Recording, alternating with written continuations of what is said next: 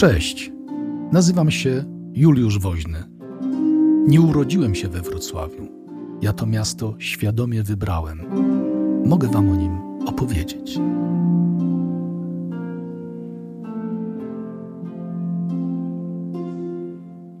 Szaber wrocławski, hurt i detal. Czy szaber we Wrocławiu zaczął się w roku 1945? Co można było znaleźć w opuszczonym mieście? Kto sprzedał wrocławski ratusz, a kto pomnik starego Fryca? Jak wyrosły fortuny na handlu cegłą?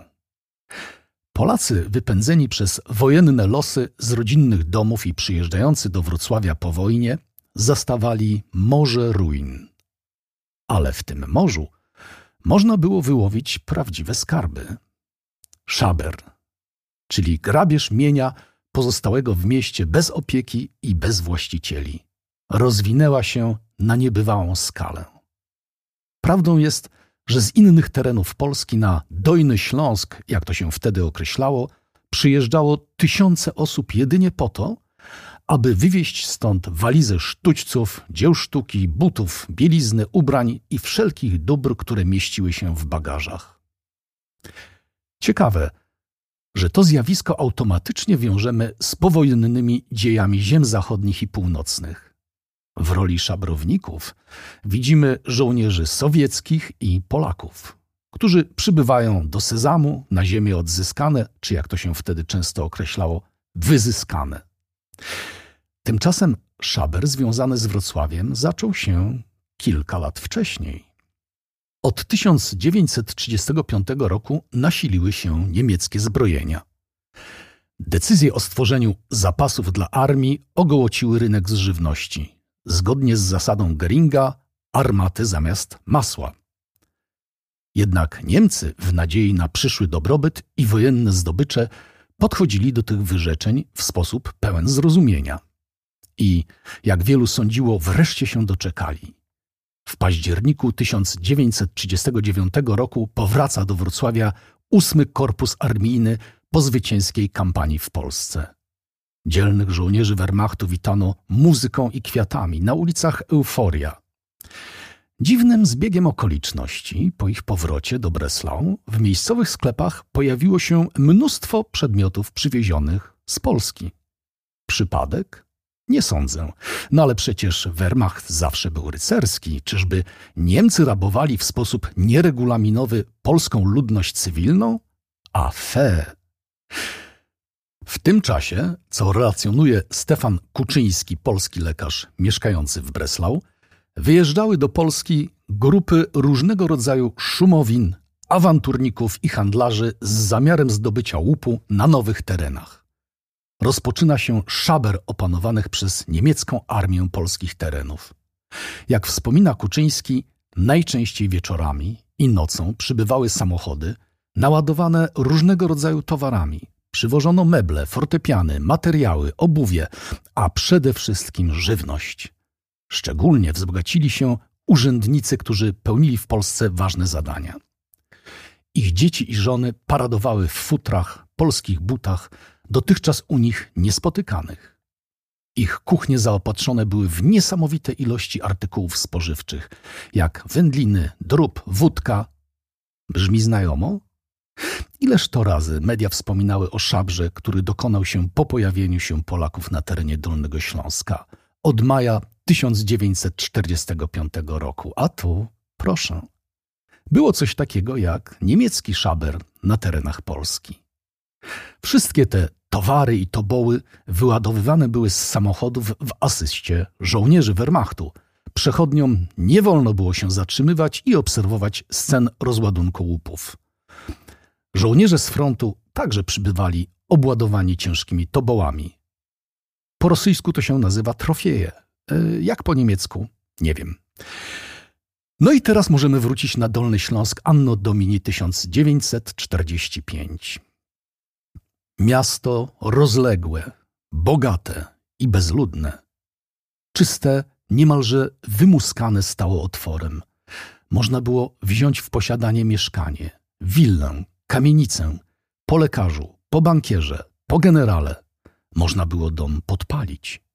To bogactwo, z którego można było brać ile się chciało, ale które miało wartość przysłowiowych diamentów na pustyni. Wielu ludziom odbierało rozum. Nawet ja, choć z rodziny doktorskiej, traciłem chwilami zdrowy rozsądek na widok nagromadzonych wielkich dóbr, a co dopiero ci biedacy z suteren i lepianek, którzy w życiu niewiele więcej zaznali poza ciężką pracą i marnym zarobkiem. Z wysokich pięter żołnierze radzieccy dla rozrywki wyrzucali przedmioty zbytku, klosze, kryształowe wazony, fajansowe nocniki, które uderzając o asfalt pryskały odłamkami. Leciały krzesła, fotele i co popadło. A gdy wypchnęli z balkonu stary klawikord, to jaki dźwięk wydał on w zetknięciu z asfaltem. To opis pierwszych dni po wojnie w Legnicy, dokonany przez Jana Kurdwanowskiego. Krajobraz Wrocławia był odmienny. Gdy wkraczali do niego pierwsi osadnicy, miasto jeszcze w wielu miejscach płonęło. Te miasta, które znalazły się na linii frontu, były zrujnowane, zerwane mosty i linie kolejowe, domy zmienione w zgliszcza. Ale były też inne miejscowości, które uniknęły tego losu. Niestety, zakończenie wojny nie oznaczało końca dewastacji. Czasem zniszczeń dokonywali Niemcy, nie chcąc, aby zwycięzcy otrzymali coś, co przedstawiało wartość. Często Sowieci i Polacy dokonywali zemsty za lata doznanych zbrodni i upokorzeń. Znaleźli się w kraju wroga, wokół niemieckie napisy, na każdym kroku ślady niemieckiej obecności. To niewątpliwie prowokowało do symbolicznego odwetu. Kościół świętej Marii Magdaleny. Świątynia w trakcie działań wojennych straciła hełmy wież, dach nawy, jednak mury stały. Całość nadawała się do remontu. 17 maja 1945 roku nastąpiła celowa dewastacja. Wieżę Marii Magdaleny Rosjanie wysadzili od tak, na wiwat. Runęła wieża południowa. Wybuchł pożar, od którego roztopił się legendarny ponad 500-letni dzwon grzesznika. Atmosferę tamtych czasów doskonale ilustruje fragment wspomnień Andrzeja Jochelsona, prawnika, pisarza i tłumacza. Wrocław ustawicznie pali się i stale słychać strzelaninę. Co dzień są dwa, trzy, nawet cztery pożary. Podpalone wysokocieplnymi płynami szkielety kamienic w ciągu kilku godzin spalają się do cna. Na nieboskłonie zawsze można zobaczyć co najmniej jeden pióropusz dymu. Podobno ogień podkładają Niemcy, hitlerowcy. Wojna sprawiła, że duże grupy społeczne zostały zdemoralizowane. Pobyt tutaj faktycznie przypominał realia Dzikiego Zachodu. Tę sytuację próbowali ukazać twórcy filmu Prawo i Pięść w konwencji westernu osadzonego w realiach miasteczka na Dolnym Śląsku w roku 1945. Jedyny sprawiedliwy podejmuje nierówną walkę ze zdeprawowanymi opryszkami, którzy pragną dokonać szabru na wielką skalę. Pozostawione tłumienie traktowano jako łup wojenny. Wielu brało to, co zdołali udźwignąć. Motywy, którymi się kierowali ludzie przejmujący nielegalne poniemieckie mienie, były różne. Byli tacy, którzy uczynili z tego dochodowy biznes, działali z rozmachem, nie cofając się przed przemocą. Potrafili zorganizować transport, zgarniali ilości hurtowe, sprzedawali towar w Polsce centralnej i wracali po kolejną partię. Byli skromniejsi detaliści, taszczący walizki i toboły do pociągów i autobusów. Byli tacy, którzy postanowiwszy zostać na Dolnym Śląsku, urządzali się, przenosząc do swego lokum przedmioty, które mogły przydać się w przyszłości. Część z szabrowników upłynniała towar na miejscu, na jednym z wrocławskich czy dolnośląskich szaberplaców. Malowniczy obraz tej rzeczywistości pozostawił genialny lwowski matematyk Hugo Steinhaus. Z jednej strony tysiące łapserdaków w butach z cholewami, obarczonych plecakami, kanciarze, szabrownicy, rozwłóczeni żołnierze, Sowiety, Żydzi wszystkoroby, paniusie skromnie spekulujące i pospolici złodzieje. Z drugiej strony Niemcy z białymi opaskami, Niemki w spodniach wlokące jakieś wózki, manatki, tłumoczki – mówiące wolapikiem, szachrują, oglądają, oddają, wracają, pakują i popychają się. Największa kupa dziadostwa na największej kupie cegieł i rumowiska w Europie. Można było kupić wszystko, czasem naprawdę po okazyjnej cenie. Maszynę do pisania, pianino, rower. Znakomicie atmosferę Szaberplacu ukazuje fragment filmu Sami Swoi. Gdy Witia jedzie na rowerze z workiem ziarna kupić kota. Wraca bez zboża i bez roweru, za to z bezcennym mruczkiem. Biznes można było robić na wiele sposobów. W połowie XIX wieku na miejscu wielkiej wagi miejskiej stanął pomnik Fryderyka II, autorstwa Augusta Kissa. Niemcy, znając stosunek Polaków do pruskiego króla, ukryli spiżowy monument. Jesienią 1944 roku oddział SS zdjął posąg z stokołu i zakopał w wale przeciwpowodziowym w lesie osobowickim. Tam odnaleźli go trzej pracownicy składnicy surowców wtórnych. Posługując się podrobionym pozwoleniem, sprzedali starego fryca za 260 tysięcy złotych odlewni dzwonów Eugeniusza Wołczyńskiego. Działali z rozmachem. Udało im się skłonić do współpracy nawet saperów. Oszuści trafili pod sąd. W miejscu, gdzie stał pomnik pruskiego władcy, stoją obecnie maszty, na których powiewają flagi państwowe i miejskie. Przyjeżdżali tu z Polski drobni złodziejaszkowie, świetnie zorganizowane grupy gangsterów, ale bywali też kombinatorzy odznaczający się niezwykłą fantazją. Potencjalni bohaterowie filmów w stylu Złap mnie, jeśli potrafisz. Cwaniak pochodził z Poznania, nazywał się Stanisław Witczak. Był tak przekonujący, że zdołał wmówić naiwnym kontrahentom, iż wrocławski ratusz zostanie rozebrany, gdyż zdaniem nowych władz nie jest zabytkiem piastowskim.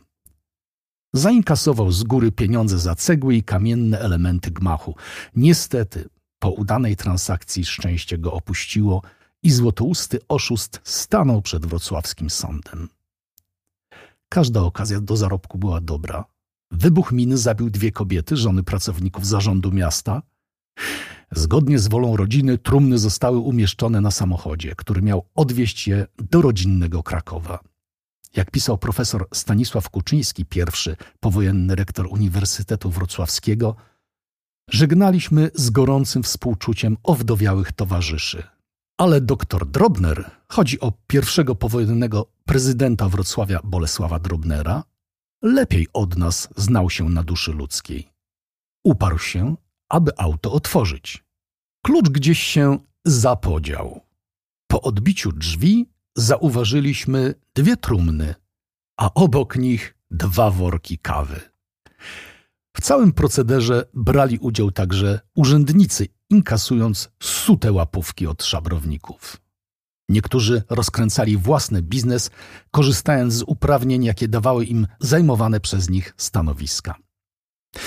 Bywali tacy, jak wskazuje powyższy przykład, którzy zatrudniali się na konkretnych stanowiskach jedynie po to, aby wykorzystać je do szybkiego zdobycia majątku, zapewniając sobie bezkarność. Jednak to był detal. Szaber, który uskuteczniały nowe komunistyczne władze i Armia Czerwona, to były działania na imponującą, masową skalę. Zmorą były napady rabunkowe ze strony maruderów wojsk radzieckich. Żołnierze zabierali bydło, konie, dokonywali samowolnych rekwizycji cennych przedmiotów. W przypadku oporu dochodziło do morderstw i gwałtów. Ta przemoc dotyczyła głównie Niemców, jednak czerwonoarmiści dopuszczali się napadów także na polskich przesiedleńców. Czuli się panami sytuacji. Polscy urzędnicy nie byli w stanie bronić własnych obywateli i ich mienia. Ich autorytet był nieustannie podważany. Doszło nawet do tego, że prezydent Wrocławia Bolesław Drobner został spoliczkowany przez jednego z rosyjskich generałów, gdy skrytykował poczynania jego żołnierzy. W starciu z czerwonoarmistami nawet zadeklarowani zwolennicy nowych porządków nie mieli szans, mimo oficjalnie deklarowanej przyjaźni polsko-sowieckiej. Radzieckie jednostki bezpardonowo wkraczały do fabryk, w których polskie załogi już zdołały uruchomić linie produkcyjne. Łamano przemocą opór polskiej strony, a maszyny ładowano na pociągi wyruszające na wschód. Z jednej tylko fabryki Linke Hoffman wywieziono 424 obrabiarki oraz 694 silniki i wszystkie narzędzia. Niektóre okoliczności szabru sowieckiego mają charakter makabreski. Sołdaci spośród wszystkich zdobyczy najwyżej cenili alkohol. W wielu pamiętnikach zachowały się opisy scen sowieckich żołnierzy raczących się spirytusem, w którym zakonserwowane były preparaty w szkolnych gabinetach przyrody. Mieczysław Kofta, który osiedlił się we Wrocławiu jako jeden z pierwszych, wspominał żołnierza, który uporczywie wypytywał o muzeum zoologiczne. Przyczyną zainteresowania były pojemniki z rybami zakonserwowanymi w spirytusie, których smak ów żołnierz cenił sobie szczególnie. Proboszcz w miejscowości Głębowice nieopodal Wołowa opowiadał mi kiedyś, że tuż po ustaniu działań wojennych do miejscowej gorzelni wpadli spragnieni alkoholu Rosjanie. Albo nie zrozumieli, albo nie chcieli wierzyć miejscowym, że spirytus w kadziach jest skażony. Dwóch z nich zmarło po degustacji. Spoczęli na miejscowym cmentarzu pod napisem Bohaterowie wolnego świata. E, po jakimś czasie ich ciała zostały przeniesione na cmentarz we Wrocławiu. Niestety, również polskie władze komunistyczne traktowały tereny zachodnie jako Eldorado. Pamiętajmy, że sytuacja polityczna nie była stabilna. Mimo gromkich pochukiwań o nienaruszalności, dzięki oczywiście niezwyciężonej armii radzieckiej granic na Odrze i Nysie, władze warszawskie wolały cenne dobra przywieźć w miejsca, których przynależności do PRL-u nigdy by nie kwestionował. Pod koniec 1945 roku w kierunku Warszawy pojechało 25 wagonów tramwajowych i przyczep. Wyczekujący na wrocławskich przystankach w zimowy mróz pasażerowie musieli szczególnie ciepło myśleć o władzy traktującej ich w tak niesprawiedliwy sposób. Minęło sześć miesięcy i kolejny dar Wrocławia podążył do stolicy. Tym razem 29 wagonów tramwajowych wraz z częściami zamiennymi. Był to okres, kiedy w prasie mogło się jeszcze pojawiać nieco materiałów krytycznych w stosunku do władz. Nic zatem dziwnego, że w roku 1948 media doniosły, iż mieszkańcy Karłowic postanowili ufundować tablicę ku czci dyrektora zakładów komunikacyjnych z napisem Zrobiłem wszystko, byśmy chodzili piechotą. Wdzięczni Karłowiczanie. Hasło Wszystko dla odbudowującej się stolicy nie zmieniało faktu, iż we Wrocławiu były te wszystkie materiały nie mniej potrzebne. Jednak Warszawa pod każdym względem miała pierwszeństwo. Z innych województw wpłynęły do władz miasta prośby o przekazanie żywności, mebli, radioodbiorników, maszyn do pisania. Do Warszawy jechały fortepiany i inne instrumenty muzyczne z wrocławskiego konserwatorium. Maszyny drukarskie z wrocławskich drukarni. Z różnych miejsc w Polsce przyjeżdżały na ziemię wyzyskane grupy zaopatrzonych w stosowne upoważnienia pracowników, które wywoziły maszyny. Jeśli zleceniodawca był sprawny organizacyjnie, zdarzały się wywózki całych linii produkcyjnych. Osobny rozdział państwowego szabru stanowił wywóz dzieł sztuki z wrocławskich i dolnośląskich muzeów, pałaców i kościołów. Do dziś wiele z nich nie wróciło do stolicy Dolnego Śląska, stanowią ozdobę warszawskich wystaw muzealnych, jak choćby ołtarz świętej Barbary. Obrazy z klasztoru w Lubiążu autorstwa najwybitniejszego malarza śląskiego baroku Michała Wilmana trafiły do warszawskich kościołów i muzeów. Proces odzyskiwania dzieł jest powolny i daleko jeszcze do jego zakończenia. Na razie trafiają do zbiorów Muzeum Narodowego we Wrocławiu. Jeśli miałyby powrócić na ściany lubiąskiego klasztoru, trzeba by wydać astronomiczne pieniądze, które odwróciłyby wieloletnią dewastację tego obiektu. Choć trzeba przyznać, dzięki działalności Fundacji Lubiąż, część prac udało się zrealizować. Wiele zwierząt z wrocławskiego zoo zginęło wskutek działań wojennych, ale w ostatnich dniach oblężenia dochodziło do zabijania zwierząt na mięso. To swoiste safari trwało jeszcze w pierwszych dniach pokoju, gdy do zoo wkraczali sowieccy żołnierze i szabrownicy chcący zdobyć mięso. Ocalało zaledwie około 200 zwierząt. Potem pojawili się przedstawiciele ogrodów zoologicznych z innych miast, oczywiście z odpowiednimi zaświadczeniami, i rozpoczęła się wywózka lokatorów wrocławskiego zoologu do Krakowa, Łodzi, Poznania, y, no i oczywiście Warszawy. Część zwierzaków zestresowana odgłosami kanonady podczas bombardowania nie przeżyła trudów transportu.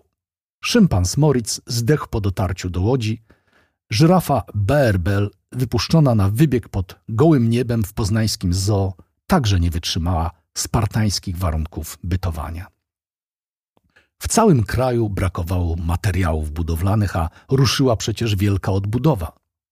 Jednocześnie we Wrocławiu zalegały ogromne zwałowiska gruzu, a całe dzielnice stały w ruinach. Nic prostszego, wystarczy odzyskać cegły z gruzowisk, rozebrać zdewastowane gmachy i załatwi się dwa problemy – Wilk syty i owca w ciąży, jak mówi stare ludowe przysłowie. Miało być dobrze, wyszło jak zwykle. Wrocław traktowano jak ogromny magazyn cegieł, kamienia i innych materiałów budowlanych. Trybut płaciły także inne dolnośląskie miasta, często i te, których zabudowania przetrwały wojnę nietknięte.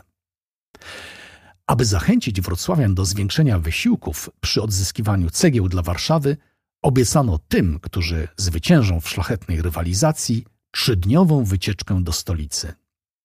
Aby usprawnić transport milionów cegieł, zainstalowano specjalną linię kolejową przechodzącą przez sam środek Starego Miasta aż do dworca Świebockiego. W 1949 roku przestano zachowywać pozory i wrocławską dyrekcję odbudowy przemianowano na Miejskie Przedsiębiorstwo Rozbiórkowe. Nic dziwnego, że w Warszawie można było nucić Niech się mury pną do góry.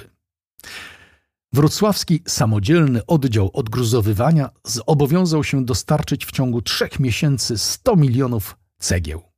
Dochodziło do sytuacji groteskowych, gdy rozbierano niedawno odbudowywane budynki.